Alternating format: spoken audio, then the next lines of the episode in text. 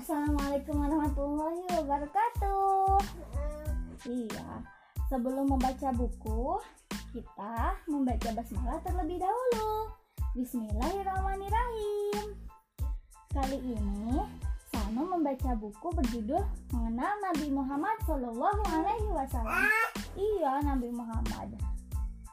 Seri buku pertamaku, buku kainku, bermain dan belajar seri Nabi Muhammad. Pendiri klan Bani Hashim, kakeknya Abdul Muthalib, pamannya Abbas, pamannya lagi Abu Talib, pamannya lagi Hamzah. Kemudian ayahnya Abdullah, ibunya Aminah. Kemudian melahirkan Nabi Muhammad Shallallahu Alaihi Wasallam. Kemudian Halimah ibu susunya juga Suwaibah Iya, ibu susunya juga Suwaibah. Hmm. Gimana nyanyiannya, Dek? Anak-anak Nabi ada tujuh orang, tiga laki-laki, empat perempuan.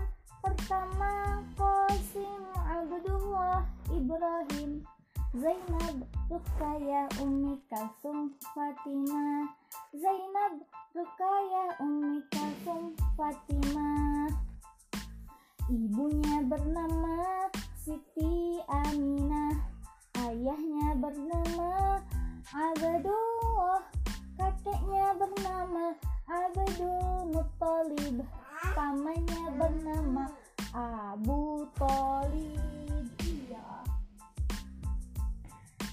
Kemudian Nabi Muhammad SAW dilahirkan pada hari Senin 12 Rabiul Awal bertepatan pada tahun Disebut tahun gajah karena pada saat itu pasukan tentara Abraha yang menunggangi gajah menyerang Ka'bah. Namun mereka dikalahkan oleh burung ababil yang menjatuhkan batu neraka pada mereka. Hmm, gajah pasukan gajah ini deh iya. Terus diserang sama burung-burung ababil sambil melempar batu dari Ka'bah. Eh dari ini dari neraka ya. Saat Nabi Muhammad SAW menginjak usia 4 tahun, malaikat Jibril mendatangi sang Nabi dan membelah dada beliau untuk mencuci hati Nabi agar bersih dari godaan setan. Nabi Muhammad Shallallahu Alaihi Wasallam hidup dalam asuhan sang paman Abu Talib. Setelah kakek beliau meninggal, untuk membantu pamannya, Nabi mengembalakan kambing di lembah-lembah kota Mekah? Iya, dengan upah sejumlah kirot. Beliau adalah seorang pengembala yang lembut dan sabar. Kambing deh. Ini kambing. Kambing suaranya gimana? Mbe. Mbe. kepribadian beliau menarik perhatian Siti Khadijah seorang janda yang kaya raya.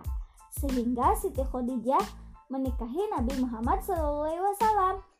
Saat itu Nabi, Nabi berusia 25 tahun, sementara Khadijah berusia 40 tahun.